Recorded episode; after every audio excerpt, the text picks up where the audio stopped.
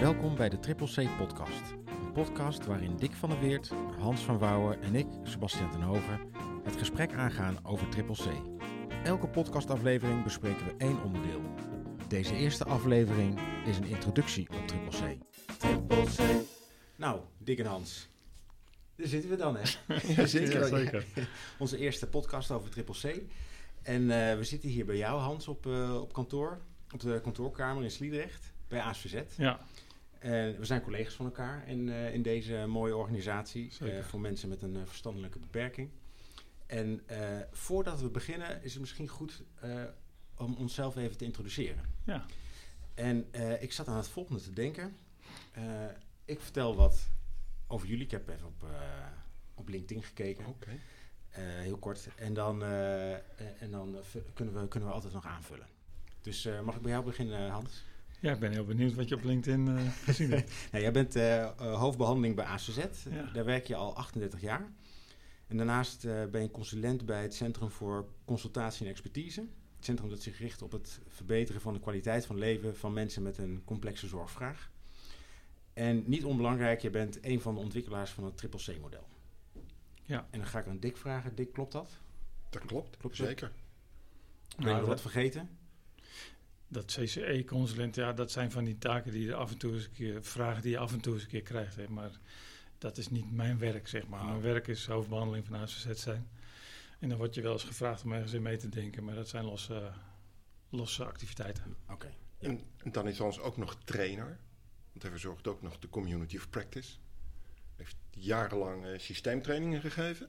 Mm -hmm. Dus nou, het rijtje zal mogen verrijkt worden, zeg Oké, maar. hartstikke goed. Nou, dat is uh, een goede introductie. Dat dacht ik. Mooi. Dick, mm. jij bent uh, programmaleider Triple C bij ACZ, waar je zo'n 30 jaar werkt, met een kleine onderbreking. Onderbrekingen zelfs. Onderbrekingen. En daarnaast ben je ook coach en eigenaar van je eigen coachingbureau. En ook bij jou op, op, op LinkedIn staat iets over CCE.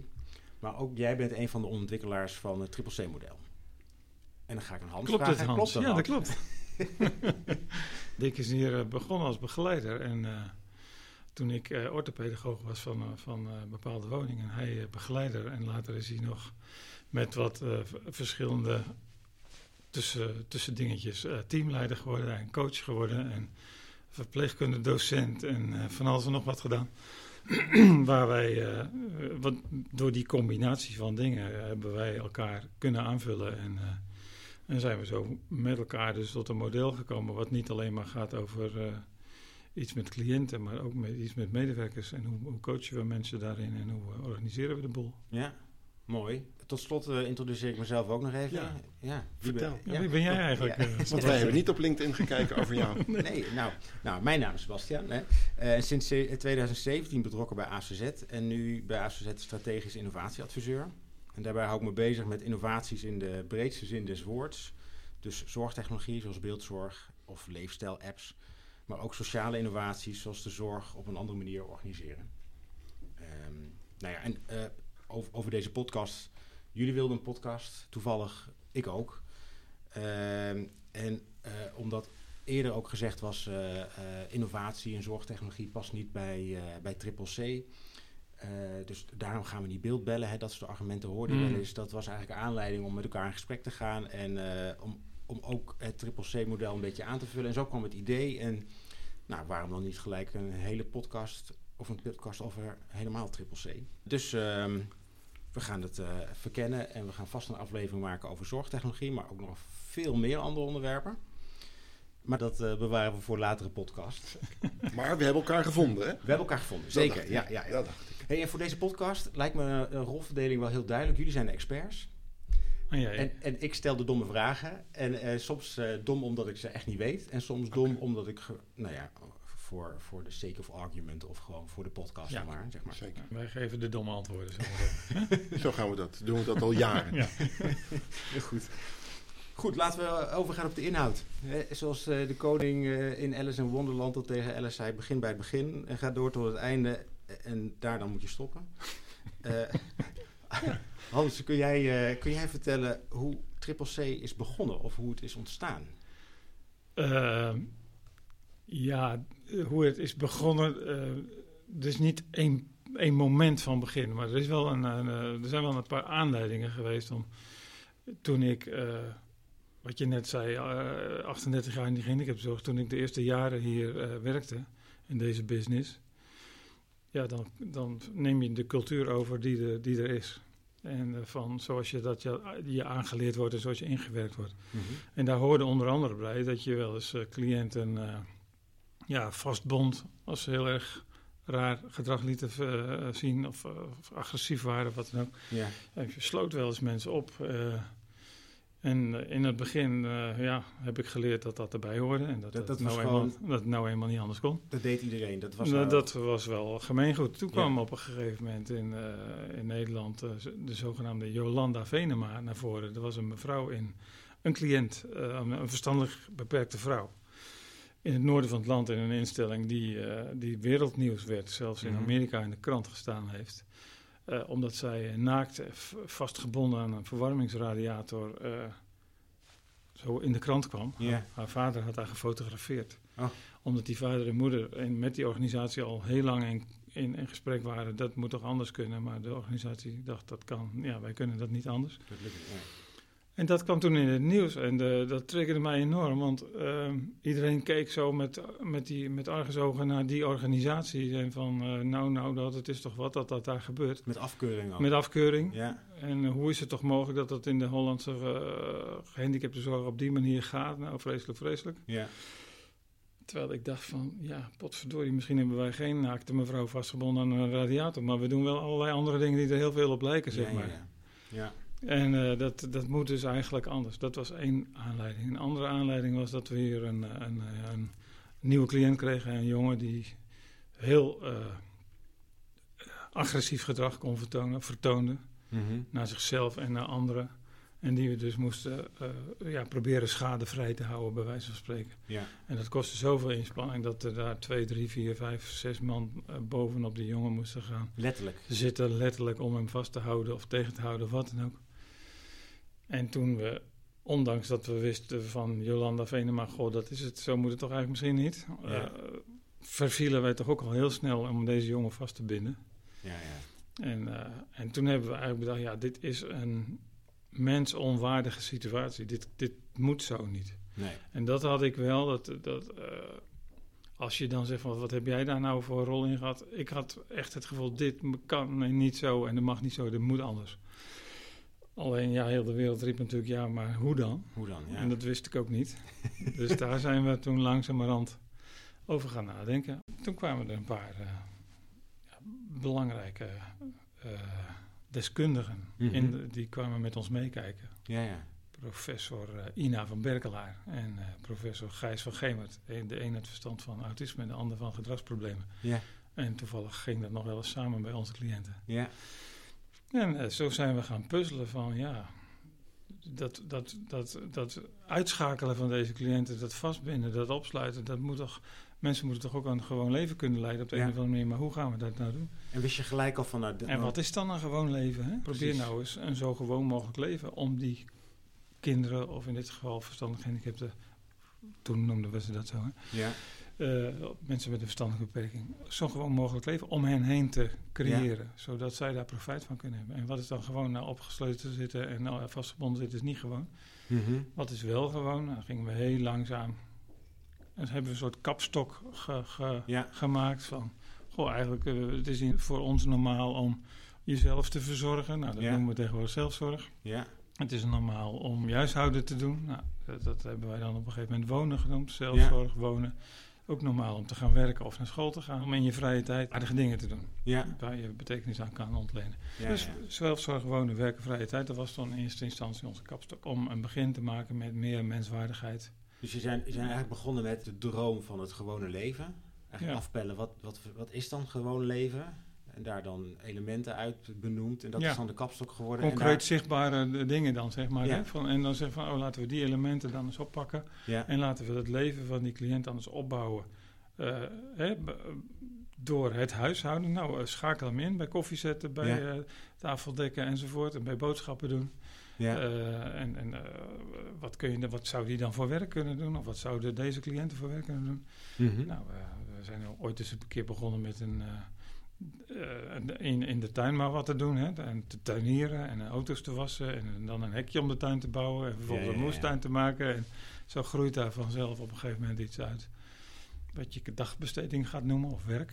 Ja, dat was toen nog geen triple C-model, hè? Dat wa- of was het of Nee, was nou, het dat was, dit, waren een beetje, een deel, dit is dus een, wat ik nu vertel, een beetje een deel van het triple C-model. De- dus Mhm. Die competentiegebieden, zoals we nu zeggen. Zelfzorg, wonen, werken, vrije tijd. Dat, is wel, eh, dat zijn de gebieden waar we onze dagstructuur, dagprogramma's aan ophangen. Ja, En wat we, waarvan we later in de gaten kregen, hey, dat, dat, dat gaat hier om betekenisvolle daginvulling. ja, In ieder geval dat je een duidelijke houvast hebt in die, in die dag. Naast die houvast aan die daginvulling, moet die cliënt ook houvast hebben aan die begeleider uiteraard. ja, En dat zijn dan de twee belangrijkste pijlers van het triple C-model. Die, Ja. eh, die betekenisvolle daginvulling en wat we nu onvoorwaardelijke begeleiding noemen. ja, ja, gericht ja. op gehechtheid, zullen we maar zeggen. ja. Eh, Dick, was je hier toen ook al bij betrokken in het begin? Nee, ik kwam pas in eh, 93, eh, februari 93 kwam ik eh, hier binnen. Vier jaar daarna zo ongeveer. Nou, wij begonnen daadwerkelijk met onze eerste groep was zo op deze manier te, op te zetten in Ja. 1991. En Dick kwam in 1993. Ja, ja. Oké, dus eh, ook, ook echt aan het begin. eh, Vrijwel in het begin. Eh, ja, Ja. aan het begin, zeker. Ja. Hey, en en, en dat, dat, dat probleemgedrag, hè? of eh, ik, ik weet niet of, of dat, dat de juiste term is, of eh, onbegrepen gedrag hoor je ook wel, of onverstaanbaar Maakt ons niet uit. Nou ja, Ik vind het wel een mooie term, probleemgedrag. Ik vind het wel leuk dat je dat vraagt of zegt. Want eh, er is heel veel... In Nederland zijn heel veel mensen die zeggen... ja, probleemgedrag, probleem. En eh, hè, dat, Ja. dat houden mensen niet zo van. Dus worden allerlei verzachtende termen eh, bedacht. Maar ik vind probleemgedrag juist wel een mooi woord... omdat het, het woord probleem betekent eigenlijk opgave. Het komt uit Latijn, hè. Problema betekent opgave. Ah. En net als in de, net zoals in de, in de wiskunde. ja, Een probleem is een opgave. ja, ja, ja. En dat is, ik, vind, ik vind dus het probleemgedrag vind ik voor ons een opgave Ja, om daar iets eh, goeds mee te doen, zeg maar. Om dat ten goede te keren. ja, ja. Dus ik heb helemaal geen moeite met die term eh, Oké, probleemgedrag. Da- nou dan hanteren we gewoon probleemgedrag. Ja, zeker. Hè, dus de opga- opgave wat we dan hebben. Maar dus het probleemgedrag, dat, eh, dat, dat, dat zie je. En daar, daar wist je eigenlijk geen antwoord op te geven toen de tijd. Dat was Ja, in zat in met land. de handen in het haar, zeg maar. Hè? Ja. Ja, ja, klopt. En, eh, en met het triple C-model... Dat hadden we Worden- toen nog niet, hè? Nee, nee, nee, precies. Maar daar, daar is dus een triple C-model uit voortgekomen. En daar, en daar kun je dus nu wel handen en voeten aan geven. Dus Zeker. daar, daar kun je iets mee, eh, Ja. mee doen. Ja. En, eh, en dat, dat is het, het topje van de ijsberg eigenlijk, toch? De, dat probleemgedrag? Ja, Of, Nou ja, als je er zo naar blijft kijken wel. Maar wij kijken helemaal niet meer naar probleemgedrag. Maar wij kijken worden die menselijke behoeften vervuld. Oké, Want dat is natuurlijk ook wel wat in het land. Dat, die ijsberg ja. is een van de populairste modellen. En voor ons hadden we het bijna vergeten in het boek te schrijven. Omdat wij zo anders ook zijn leren kijken naar onvervulde behoeften. Ja, ja, ja. Dus je bent niet bezig met probleemgedrag bestrijden. Wij zijn bezig, al die jaren, met hoe kun je nou die menselijke behoeften aanvullen. Ja, en dan komt dat omdat we denken dat probleemgedrag dat dat een gevolg is van eh, onvervulde behoeften, zeg maar. Hè? Ja, Als, als, als, als alle menselijke behoeften die wij allemaal hebben aan, aan, aan voorspelbaarheid, overzichtelijkheid, structuur, aardig gevonden worden, eh, erbij horen, ja. gewaardeerd worden, invloed kunnen hebben op je leven. Als al die behoeften, of een aantal van die behoeften onvoldoende vervuld worden, Mhm. dan gaan mensen probleemgedrag vertonen. Ja. Dus op het moment dat je dan zegt, oh, we hebben het over probleemgedrag. Ja, dat is verder eigenlijk niet zo interessant wat voor probleemgedrag dat dan precies is. Maar dan Nee. kijk je dus, hé, hey, welke van die behoeften van deze cliënt worden nou eigenlijk onvoldoende vervuld? En waar moeten we dan dus ook aandacht aan besteden? Ja, ja, ja. Ja, dus in plaats van dat je je richt op dat probleemgedrag en dat, Dat, is vaak wel een aanleiding, maar Dus je gaat niet het probleemgedrag beheersen, maar je gaat eerder kijken naar welke onvervulde menselijke behoeften Ja. eh, liggen daaraan ten grondslag. dus niet, de dus niet wat, eh, hoe kunnen we dat probleemgedrag eh, inderdaad beheersen of tegenhouden of, of, of verminderen, wat, ook, maar meer wat heeft deze cliënt nou eigenlijk nodig? Ja, En als hij krijgt wat hij nodig heeft, is onze filosofie, dan vertoont hij geen probleemgedrag. precies. Ja. En, en is dat in de praktijk ook zo? Ja, volmondig, punt, eh, uitroepteken. Zeker, zeker. Maar de kunst is om mensen zo te leren kijken en zo te leren denken. Ja, ja precies. En Dat is natuurlijk wel het punt. maar ja, en jullie begonnen met eh, eh, het, het gewone leven ervaren. Hè? De- de- maar dat, dat is toch logisch? Dat is toch daar. Dat, ik bedoel, dat, dat hoef je toch niet af te vragen van goh, moeten wij ook voor cliënten die bij een zorgorganisatie wonen, het gewone leven. het, is, het is super logisch en het zijn eigenlijk allemaal open deuren. Hè? Ja, Dus als je zo'n verhaal vertelt aan, eh, aan de gemiddelde Nederlander, dan zal hij zeggen van ja, natuurlijk. hè. ja. Wat is er nou daar- bijzonder aan? Wat, eh, wat is er voor bijzonder aan? Moet je daar een boek over schrijven? Ja. Dat snapt iedereen. Ja. Maar eh, de, eh, wat er natuurlijk in de praktijk is, eh, wat er in de praktijk gebeurt, is dat dat normale, dat voor de hand liggende, die hele gewone dingen, dat die niet meer gebeuren in, eh, bij mensen met ernstig probleemgedrag. En of dat nou in de jeugdzorg is, of in de psychiatrie, of in de gehandicaptenzorg. Ja, Maar de, het normale gelijkwaardige omgang, die, die, die verdwijnt. Gelijkwaardigheid verdwijnt. Respectvolle omgang tussen medewerker en cliënt en omgekeerd verdwijnt. ja. Eh, de ruimte die je nodig hebt om een beetje te ademen verdwijnt. Eh, Bijvoorbeeld? Dus kun je daar een voorbeeld van Nou, geven? dan- ja, dat moet je niet te letterlijk nemen. Maar, eh, nee, nee, ja. maar ehm, nou, heel simpel gezegd, ik, eh, ik vertoon probleemgedrag op mijn werk slash dagbesteding. Ja, En dan mag ik daar niet meer komen. Of op school, dan word ik geschorst. ja. En dan zit ik thuis. En Ja. vervolgens word ik daar moeilijk, of doe ik, vertoon ik daar moeilijk gedrag. Ja, En dan zeggen ze, ga maar op je kamer zitten. Ja. En als ik dan mijn kamer ga afbreken, dan zeggen ze, we gaan jou op je bed vastbinden of in een stoel. ja, ja. Steeds Zo, kleiner. Dus het wordt steeds kleiner, steeds, eh, de ruimte gaat weg. Ja, De, het respect verdwijnt. Eh, nou, en eh, dat heb ik ooit al toen van Gijs van Gemert geleerd. Ruimte verdwijnt, respect verdwijnt, realiteitszin verdwijnt. mhm. Want iemand heeft één keer eens iets gedaan en men denkt gelijk dat dat dan elke dag en elk moment kan gebeuren. Ja. En de rationaliteit verdwijnt. Dus er wordt allemaal heel veel met emoties en zo eh, en stress bekeken.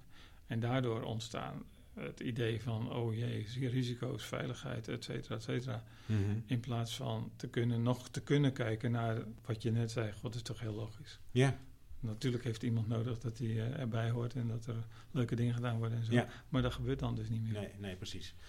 En dan helpt het om dan eh, te kijken naar wat dan eh, dus de onvervulde menselijke behoeften zijn. Wat een zinvolle dagvulling is, daginvulling is. Ja, En je noemt nog een derde pijler. echt waar? Hij dat noemde je. Ik denk de onvoorwaardelijke begeleiding. Hoe Ja. je iemand erbij begeleidt. Ja. Ja. En, en, en wat betekent dat? Onvoorwaardelijke begeleiding. Ja? Ja? eigenlijk het woord zegt het. Dus het is, we stellen geen voorwaarden eh, aan die cliënt om begeleid te worden. We hebben vastgesteld dat hij een beperking heeft, dus eh, begeleiding nodig heeft. Mhm. Dan krijgt hij die begeleiding omdat hij eh, niet zelfstandig kan functioneren. Mhm. Dus hij heeft begeleiding nodig, dan krijgt hij ook die begeleiding en dan stellen we geen voorwaarden aan. Dus niet, eh, jij moet je wel netjes gedragen, want anders ga ik niet dat of dat met jou doen. Ja, ja, ja. Of als, je, als je nou heel de week een beetje fatsoenlijk gedraagt, dan gaan we zaterdag met jou gezellig naar de markt of naar de bioscoop. Klinkt Nee. als belonen en straffen. Wat eh, Ja, eigenlijk, eh, dat doen we dus eh, op die manier, eh, proberen we dat niet te doen. Kijk, Mhm. Als, als ik tegen een cliënt zou zeggen: van, goh, we gaan zaterdagmiddag samen gezellig naar de bioscoop. Dan ga ik zaterdagmiddag gezellig samen naar de bioscoop. Ja. Ook als hij op vrijdag mij toevallig een klap voor mijn kop geeft, zeg maar. Want dat, vind, dat heeft er niks mee te maken. Ja, ja, ja. Hij had er behoefte aan om een goede vrije tijdsbesteding te hebben. Nou, dan gaan we dat doen. En je gaat ook geen voorwaarden stellen. Je, je mag mee naar de bioscoop als je goed gedraagt te komen. Nee, want dan kunnen we, kunnen we met eh, heel weinig eh, bewoners naar de bioscoop. Ik denk ook met heel weinig begeleiders trouwens. Ja, want dan leg je eigenlijk de verantwoordelijkheid voor het gedrag bij de cliënt. En wij denken dat dat gedrag altijd eh, plaatsvindt Zeker. in een bepaalde context. Zeker. Dus dat die cliënt wel bepaalde gedragingen vertoont, maar dat wij zijn verantwoordelijk voor de goede context. Ja, ja, dus ja. het is ook altijd een beetje. eh, eh, met alle goede intenties en goede Ja. bedoelingen doen wij natuurlijk soms dingen die niet helemaal passend zijn. En dan gaat er dus iets fout. Ja. En dan, maar dan kun je vervolgens die cliënt niet, eh, niet kwalijk nemen. Maar dus de cliënt wordt, is niet verantwoordelijk voor zijn gedrag? Zeg je dat, Dick, net? Of zeg Ja, voor een groot deel niet. Nee, dat klopt. Stel, jouw ontwikkelingsniveau is niet verder dan eh, drie, vier jaar. Ja, Dus dan is je geweten onvoldoende ontwikkeld. ja. En als je heel gevoelig bent voor de omstandigheden waarin je leeft, die omstandigheden passen niet, Mhm. en daar reageer jij op, Dan Ja. denk ik, wat Hans zei over dat probleemgedrag, die opgave. Ja. Onze opgave blijft om een passende omgeving te realiseren. Voor die kwetsbare mens. Ja. Dus als ons dat niet lukt, vind ik niet dat we die cliënt dan moeten straffen. nee, precies. We, moeten, we kunnen wel voorwaarden stellen. Je hebt recht op een eh, voorspelbaar, herkenbare omgeving. Je hebt recht op een onvoorwaardelijke begeleiding. En je hebt recht op een eh, betekenisvolle daginvulling. Ja. En krijg dat maar eens eh, voor Ja. elkaar met En we elkaar. hebben het natuurlijk altijd, in- bij, überhaupt bij gedrag, maar ook bij probleemgedrag, over hier iets relationeels. Hè? Ja, Er gebeurt altijd iets tussen mensen. Ja. En om dan eh, degene die dan eh, met min of meer toeval het probleemgedrag vertoont, Mhm. om die daar dan verantwoordelijk voor te stellen, terwijl Ja. er iets tussen twee of meerdere mensen gebeurt. ja, Ja. Ja, dat gaat nogal ver. ja. Maar dat is wel in de dagelijkse praktijk in sommige andere sectoren. Nou ja, en, en je zegt eh, die, die, die relaties van belang. En ik, ik las ook in het, eh, in het boek iets over patronen, hè, het doorbreken van patronen. Want dat, dat, dat, zit, Mhm. dat zit dan ook in die relatie, kan ik me voorstellen. Dat je hebt een keer een vervelende aanvaring gehad met iemand. En dan dreigt zoiets opnieuw te gebeuren. Dan ga je dus weer handelen zoals je de vorige keer ook gehandeld Ja. hebt. En dat, nou, dat, dat Ja. blijft maar doorgaan. Zeker. En wat geen effect heeft gehad, en dat blijf je dan herhalen. Ja. Ja, als je, zelf, als je Ja. doet wat je deed, krijg je... Daarom noemen we dat ook ineffectieve Ja. patronen. Ja. Het heeft een beetje met die oorsprong te maken. Stel, ik moet jou zien om te weten dat je er bent. Ja, En om houvast te hebben, moet ik ook nog wat te doen hebben. ja, Nou, ons model is natuurlijk samen met je begeleider. Je ziet je begeleider en je ziet je activiteit. ja, Maar stel, je zit op je kamer. Om wat voor reden dan ook. Je ziet je begeleider niet. Je ziet je activiteit niet. En vervolgens ga je met je hoofd tegen de muur bonken. Ja. Vaak is dat wel voor een begeleider. Oh jee, ik moet er naartoe. Mhm. Want het kan toch niet? Eh, die cliënt kan zich niet verwonden. Op het moment dat ik die deur open doe, Ja, ziet die cliënt mij. En Ja. waarschijnlijk krijgt hij ook nog duidelijkheid. Dus eigenlijk zeg je daarmee, hè, raar gezegd, je leert de cliënt door hoofdbonken te communiceren. Door Ja. mijn hoofdbonken komt mijn begeleider in zicht. Dus actie, reactie, maakt dat die begeleider in zicht komt. ja, ja. Nou, en dan kom je eigenlijk op de kern van het model. Niet om door middel van die begeleiding en die activiteiten dat probleem te veranderen. Je hebt het nodig om mens te zijn. Daar gaat het eigenlijk om. Ja, ja. En eh, dit alles is eh, van toepassing op, op eh, begeleiders, behandelaars, eh, wellicht ook. Maar ook op de organisatie, toch? Dit, eh, Dit principe. Ja. Zichtbaar zijn, betekenisvolle invulling. ja, Jazeker. Ja, ja. Kijk, en Ja. op een gegeven moment ga je natuurlijk ook. eh, dat, heeft, dat is in deze organisatie AZZ altijd wel een beetje parallel gelopen. Maar je, je moet natuurlijk, is, tenminste dat vind ik, als je een bepaalde behandellijn of begeleidingslijn en, en een bepaalde pedagogiek hebt, zeg maar, dan zul je daar je organisatie zodanig op moeten aanpassen dat dat bij elkaar past. ja, En eh, als wij zeggen van ja, die begeleider die moet een goede verbinding en gehechtheid opbouwen met die cliënt, betekent dan dat wij ook als teamleiders of managers of, eh, of behandelaren, dat die ook die verbinding met die begeleiders moeten hebben. ja, Dus je, het, is, het gaat allemaal om voorbeelden. Hè?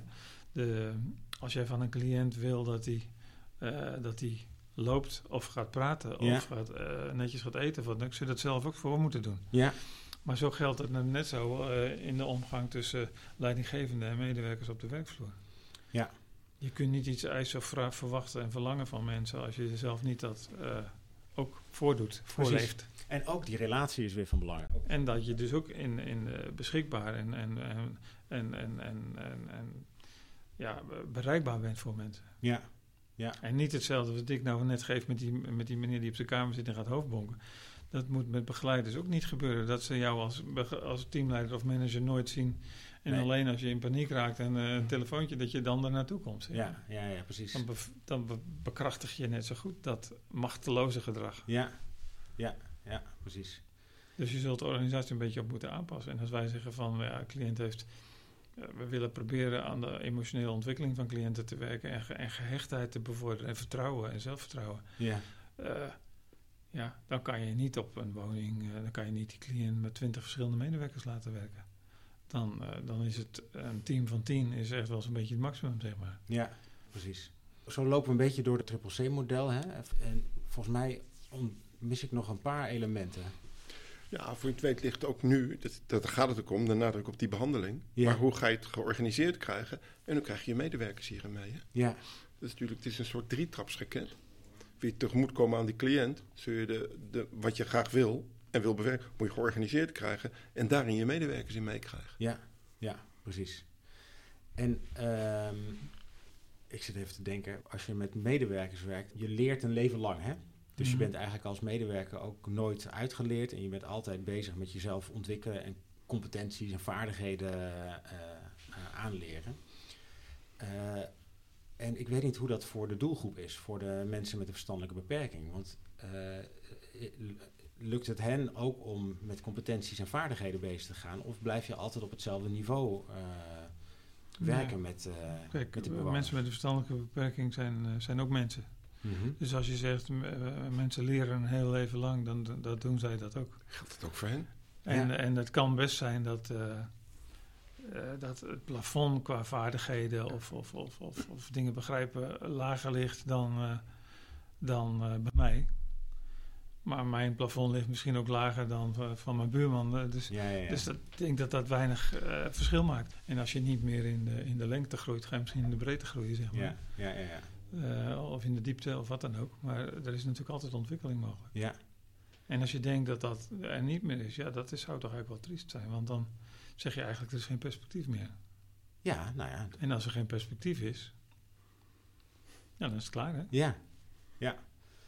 Nou ja, dus het, het klopt. Ja, ik, ik schaam me bijna voor wat ik eh, net heb gezegd. Maar het is, het is volgens mij wel een courante gedachte. Het is een, eh, Je ziet eh, natuurlijk in de praktijk wel dat de mensen die hier wonen of elders wonen, jaar op, op eenzelfde plek zitten, Ja, jarenlang hetzelfde rondje lopen. ja, Dan denk ik ook wel, zit daar nou nog eh, verdieping in? Hebben we daar wel voldoende oog voor. Exact. Ja. Maar dat zegt niet dat die mensen dat niet kunnen. Exact. Maar dan hebben we het weer over de context Precies. en de omgeving. Hebben het zo georganiseerd dat ook de mensen met die verstandelijke beperking zich kan ontwikkelen. Ja.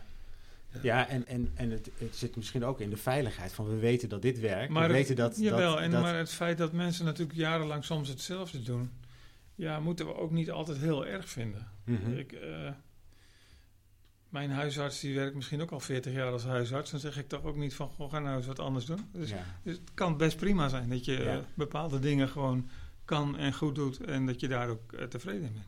Ja. Maar dat wil niet zeggen dat je als... eh, dat je verder nergens in ontwikkelt natuurlijk. ja, ja, precies. Even iets anders. Een beetje podcast heeft rubrieken. Zo. Eh, ja, en, en onze podcast ook. Eentje is eh, anekdotes. Want de eerste keren dat we elkaar eh, hebben gesproken, de afgelopen maanden, dan eh, dacht ik een goed idee te hebben. En zei hij, oh, maar dat hebben we in 1995 al niet gedaan. oh, en dit dan? Oh nee, het begin 2003. Eh, Er komen hartstikke mooie verhalen uit. En ik heb, we hebben het nu een beetje over, over Triple C, de eerste kennismaking. Mhm, ja. Hebben jullie een anekdote die, die daarbij past, waarbij er nog wat overbrugd moest worden in het, in het denken? Van het oude denken naar, nou ja, denken in menswaardigheid en in nou, iedereen kan ontwikkelen. Ja, ik zie ook kijken. Ja, we hebben er natuurlijk in onze rijke loopbaan natuurlijk... mm, Misschien is het wel leuker om te, om, om te vertellen over een cliënt die eh, in zo'n organisatie zit en die hier Ja. kwam bijvoorbeeld. Hè? Dan zie je het verschil in denken en kijken. Dan zie je het verschil. Weet je niet dat wij naar, samen naar eh Sebastian gingen ooit? Zeker. Een, een naamgenoot. Ja, we zullen alleen, Andere de- Sebastian. Ja, ja, ja, ja. we zullen alleen zijn naam noemen en niet de organisatie. Dat is wel zo netjes. Ja. Ja, maar goed, dat was, dus een, dat was dus een organisatie waar dus op een andere manier gekeken werd naar zijn probleemgedrag. Mhm. En eh, nou, mensen zaten daar ook met de handen in het haar en, eh, met deze jongen. En wij gingen daar kijken. En we kwamen daar op een, op een ochtend, eh, zouden we kennis maken met Sebastiaan. Nou, werden we ontvangen in een halletje Ja. door, door, door iemand. En zei, "Ga- gaan jullie hier maar zitten? Nou, oké, we gaan hier zitten. Ja. Ehm, en zei, maar wij waren, wij waren met z'n tweeën en we zouden ook maar met z'n tweeën zijn. Dus we zeiden, nou, kunnen we nu met Sebastian gaan kennismaken? Nee, nee, nee, dat kon nog niet. Oh. Hoezo niet? Nee. Eh, want ik ben nog maar alleen en er moet nog een tweede... eh, wij dachten, nou ja, wij zijn er toch ook, maar goed. Oké. Oké, we wachten op die tweede begeleider, is prima. Ja. Nou, en toen was die tweede begeleider en zei, nou, oké, zullen we dan nu naar Sebastian gaan? Nee, nee, nee, want eh, er moeten eerst nog twee beveiligers Oh, komen. Dus... Zeker. Dus Sebastian die was dus omringd door twee begeleiders, ja. voortdurend. Mhm. en twee beveiligers, Beveiligers. die in zo'n pak zaten met zo'n V erop van veiligheid. Ze- en die En- waren, die waren eh, speciaal in dienst Ja, voor die, ja ze- precies. En die zaten daar de, de- het Algemeen Mhm. Dagblad te lezen totdat ze in moesten grijpen, zeg maar. Oké. En eh, dus toen die er allemaal waren, dan mochten wij naar Sebastiaan eh, gaan kijken. En die jongen die lag dus ook vastgebonden op bed. Ja. De hele nacht. En dan, s morgens werd hij daar dan wel eventjes uitgehaald. Dan mocht hij even ontbijten en dan ging hij weer terug naar zijn kamer. En dan ging hij eh, twee keer per dag, een half uurtje, mocht hij ja, eh, bepaalde staafjes, eh, eh, industrieel werk noemden ze dat. Ja. eh, Staafjes in een malletje doen. Ja. En dan eh, tussen de middag gooiden ze dat weer leeg. En dan mocht hij dat 's middags weer Oh. opnieuw eh, doen. Ja. Even over betekenisvolle Betekenisvol. arbeid. Ja. Eh, en één keer in de week ging hij wandelen in het park. En dan gingen ze met, met, met vier man eh, met hem wandelen. Met een taxi erachter. Want ja, als het dan misging, dan kon hij met die taxi weer teruggebracht worden naar zijn bed. En weer Mhm. vastgebonden Oh. Ja, zeker. Dat is een manier van kijken vanuit, vanuit risico's. Ja, ik heb daar nog wat eh, aan te vullen. Dus die man die werd eh gedoucht, schoongespoten, dat weet ik nog. Gewoon gespoten? Ja, zeker. En eh, hij in de kleren. En ehm, hij mocht dan naar de dagbestedingsruimte.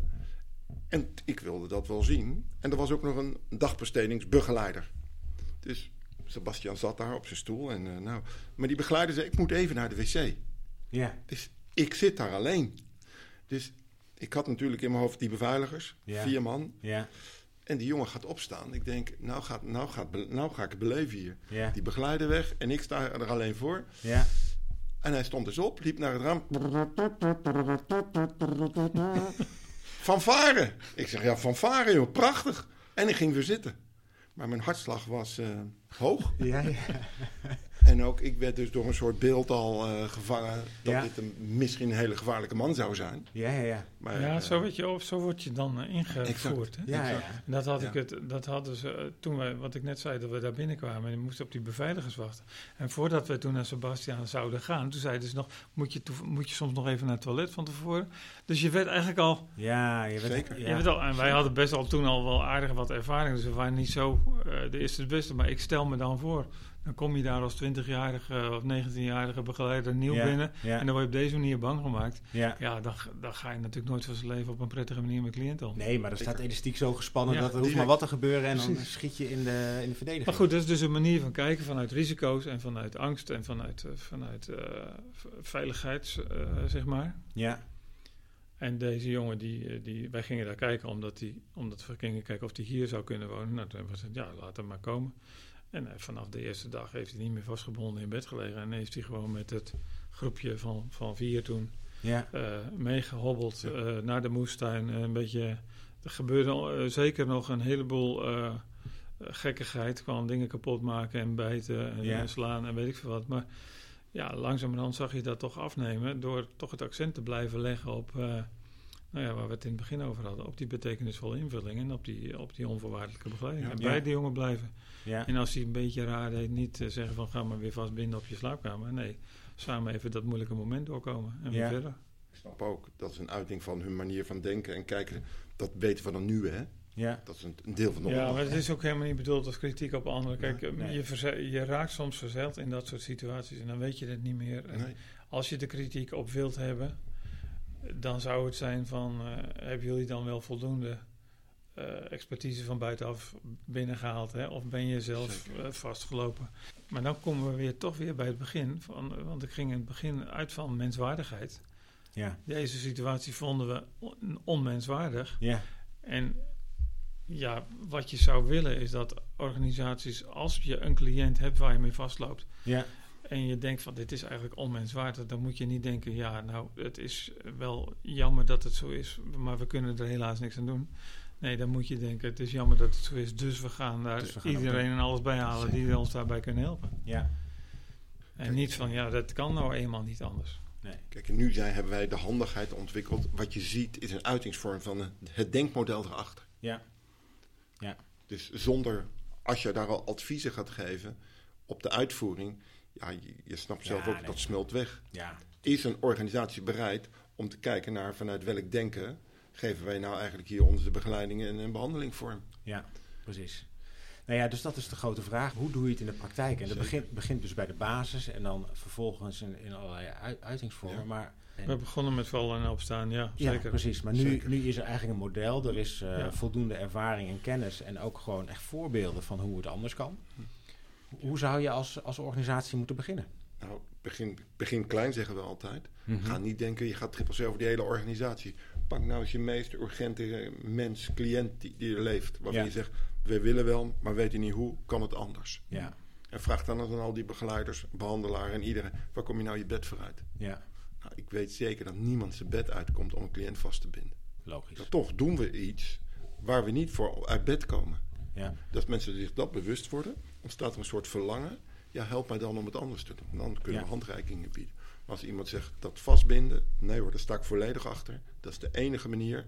Dan ontstaat er ook geen verlangen waarop wij kunnen aanhaken. Mhm. Ja, dus hoe begin je? Je moet beginnen bij anders. eh, mensen helpen om anders te denken, zeg maar. ja. Dus als jij in jouw organisatie zit en denkt van nou, ik wil het anders gaan doen en ik wil met triple C gaan werken, dan moet je beginnen met elkaar. Laten we nou eens naar een bepaalde problematiek vanuit een ander model kijken en denken. ja, En dan kom je op andere, Ja. op andere oplossingen. ja. Ik heb altijd zo'n schemaatje waarde, norm, vorm. Als je naar de vorm kijkt, iemand vastbinden, afzonderen. ja. Ja, welke norm zit daar dan onder? Ja. In mijn optiek zit daar geen gehechtheid onder. Maar zit veiligheid onder of beheersing. ja. Oké, dus als je die norm al wil veranderen, moet je bij dat denken eigenlijk Bij, beginnen. bij de waarde. ja, bij ja. de waarde. En het gekke is wel dat elke organisatie waarden heeft die allemaal op elkaar lijken. Ja, cliënt centraal. Cliënt centraal, waardig leven, volwaardig leven. Ja, En dan zie je toch dat die waarden in de praktijk dus heel moeilijk ten uitvoer te brengen zijn. Als het moeilijker wordt. Ja. Ja, omdat, er dan, eh, omdat er dan gedacht wordt dat het niet anders kan. Hè? We hebben hele goede ideeën met elkaar. We willen het Ja. allemaal op een bepaalde manier doen. Maar deze cliënt, ja, bij deze cliënt Ja. kan dat helaas niet. nee, precies. Maar het zit misschien ook wel En in dan schrijf je het dus toch toe aan de cliënt in plaats van aan, eh, de organisatie. en aan, mensen. aan, aan, de, aan de mensen om die cliënt heen en, Ja. de, en, de, en de setting om die cliënt heen.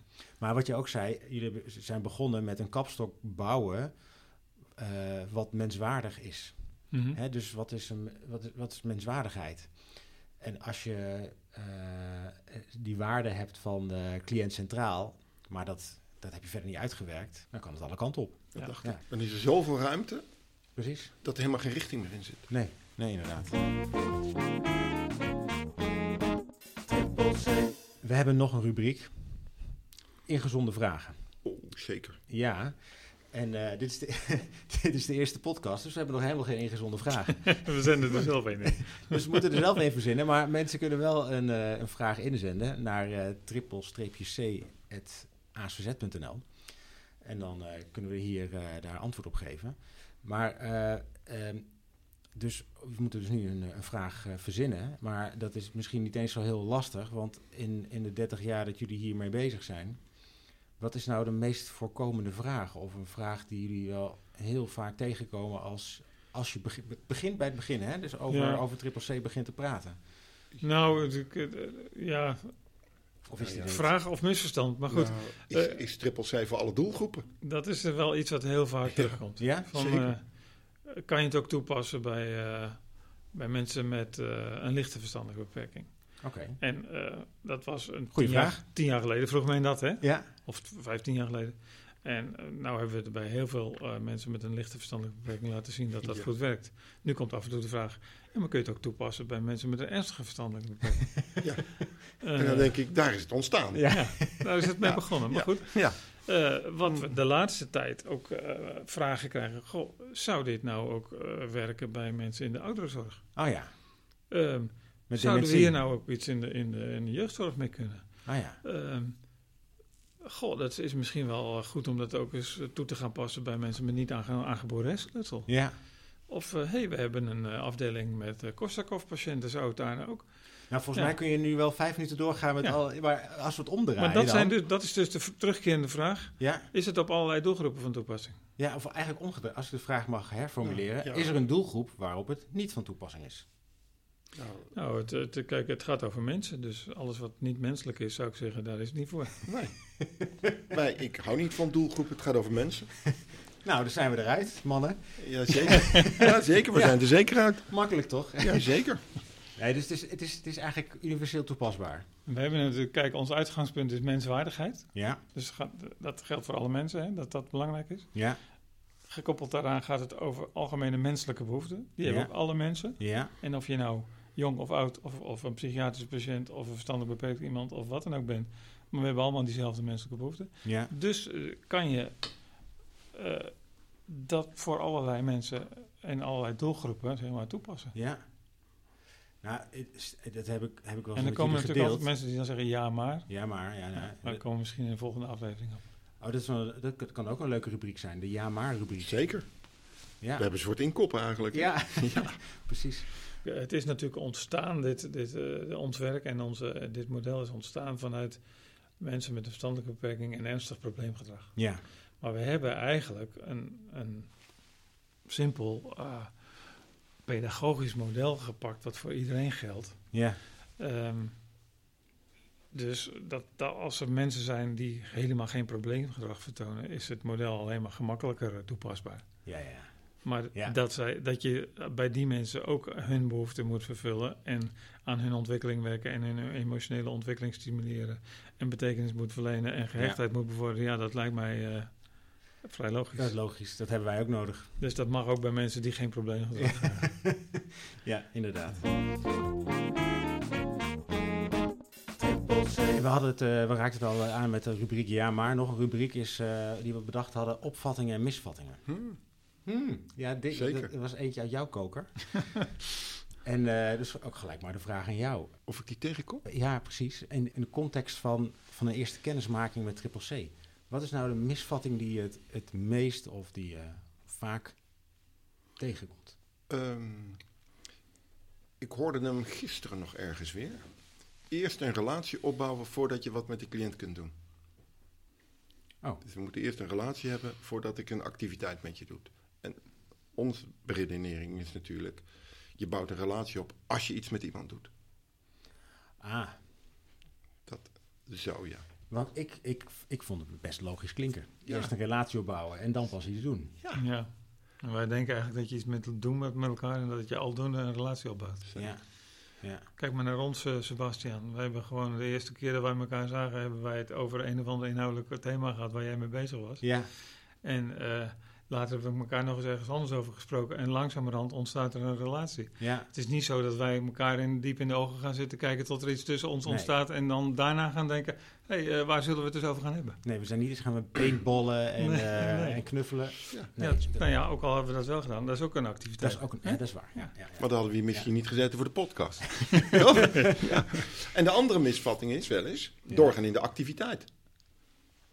Hoe bedoel je? Dus dat we die activiteit zo centraal stellen. Ja. Dat het kosten wat het kost moet doorgaan. Ja, ja, ja, ja. En dat het daardoor, Ten koste van de relatie gaat. exact, dat het niet Ja. meer als middel wordt, maar een doel op zich. ja. Dus dat is eigenlijk, het moet een balans zijn tussen relatie en eh, activiteit. Exact. Zie elke keer dat kopje koffie drinken als middel om betrouwbaar te worden, om vertrouwen te geven, om zelfvertrouwen te ontwikkelen. En Ja. zo kan dat kopje koffie drinken in elke fase van die behandeling eh, van waarde verschillen en van, van betekenis. Maar we blijven koffie drinken. Ja, Of ik het nou voor jou inschenk of jij voor mij, dat kan voor die cliënt een groot verschil zijn. ja, En zo gaat het de hele dag door. Hè? ja. Dus je hoeft geen rare, hele uitzinnige activiteit te verzinnen. Opstaan, douchen, eten. Geeft de cliënt al zoveel stress dat we die kunnen benutten voor die gehechtheid. En we hebben Ja. het over dagelijkse activiteiten. ja. Nou, dat wil ik eigenlijk mee zeggen. Dat, eh, dat vind ik ook zo leuk. Dat, vooral dat het zit hem in kleine dingen. Hè, dus eh, gewoon een kopje koffie. Ja, daarom is het ook altijd eh, goed toepasbaar. Ja, ja, Als je van anders kijkt en anders denkt. Ja. Dan, zie je ook dat soort dingen eh, sneller. Ja. ja. Dat is wat Dirk de Wachter zegt, hè? het gewonige, de gewonigheid. Wat zeg je nou? Meneer de Wachter, dat is een psychiater in België, Oh, zit in de gewonigheid. In de gewonigheid van het leven. Ja. Ja, dat is het. ja, Dat gebruiken we. ja. Ja, En fantastisch. je hoeft niet elke dag naar de Efteling om te denken dat is de activiteit. Nee. nee. Nee, nee, inderdaad. Wat zijn nou effecten van triple C? Wat heb je eraan? Ja, dat hangt er vanaf voor wie, hè? maar voor de cliënt denk ik. eh, Hm. eh, een veiliger gevoel, minder stress. Mhm. Het gevoel dat jouw stress eh, een beetje gebufferd wordt door jouw eh, begeleider. Ja, Ehm, Je komt onder de mensen. een rijker leven, Ja. zullen we maar zeggen. Ja. Minder, eh, minder uitgeschakeld, meer ingeschakeld. Ja. Eh, Je wordt niet uitgestoten. Mhm. als je vanuit de begeleider kijkt, het is natuurlijk veel leuker om niet de hele dag te lopen beheersen en te bewaken en, en, en te politieagentje te lopen spelen. Ja. Is veel leuker dan eh, de- wat wij proberen te doen. Die cliënt gewoon begeleiden bij de dagelijkse dingen in het leven. Samen boodschappen doen en, eh, Mhm. en leuke dingen doen. Samen naar de sportschool, eh, weet ik het wat. Ja. En dat, dat hoor je ook van begeleiders terug. Eh, we hebben een superleuke dag gehad of eh, ik doe allemaal leuke dingen. Ja. En, en Ja. zodra je dus de focus legt op samen dingen doen en op leuke dingen doen en, Ja. en, en op, op behoeften vervullen, in plaats van eh, voorkomen dat er van alles nog wat misgaat, Ja. heb je een veel leukere baan ook. Ja. Ja. Cliënten krijgen grip op hun leven. Worden, mis- zitten misschien minder onder de medicatie. Dus Mhm. beleven de dag ook weer wat eh, rijker. Ja. Oké. En zit er ook een keerzijde aan? Hè? Zijn, eh, wat zijn, nou, zijn er ook negatieve effecten? Ja, ik vraag het de makers. dus Ja, dat is dat gelijk. natuurlijk- eh, dat moet je natuurlijk niet aan ons vragen eigenlijk. Ja. hè, maar- nou ja, misschien juist, juist aan jullie, hè? er zullen wel keerzijdes zijn. Ik denk, ik zie wel eens, eh, je zou wel eens, ik hoor wel eens keerzijden, maar dat zijn vaak misverstanden. Dus dat komt in de rubriek misverstanden. Dat is een goeie, dat is een eh, cliffhanger. Jazeker. Kijk, en we hebben het, vaak horen we de term werkgeluk Ja, in, in, voor medewerkers. ja, Maar wij denken, als je zo met cliënten omgaat en begeleiders die de cliënten daarbij begeleiden, dan geeft dat werkgeluk. ja. Ja. Dus het is voor ons een uitkomst en niet een startpunt. Ja, ja, ja, ja, precies. Het is een neveneffect. Neveneffect. Zeker. Ja, Het zijn de positieve een neveneffecten. heel positief neveneffect. Ja, zeker. Ja, ja. Ehm, we zijn al eh, 50 minuten aan het eh, praten. eh, Zo, zo. Ja, Gaat vanzelf, hè? ja, gaat vanzelf. Dus de laatste 20 minuten zijn eigenlijk voor niks. eh. Nee, hoor. ik dacht dat we een half uur op zouden nemen. Nee, nee, we gaan gewoon kijken wat interessant is. Dus. Maar eh, we hebben het eigenlijk nog helemaal niet gehad over eh, waar de drie C's van Triple C voor staan.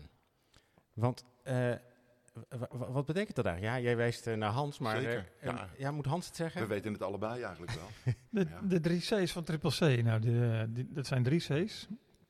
Die eerste C die gaat over de cliënt. Dat staat voor de cliënt. Ja. De cliënt is degene die begeleiding of eh, zorg ontvangt. Mhm.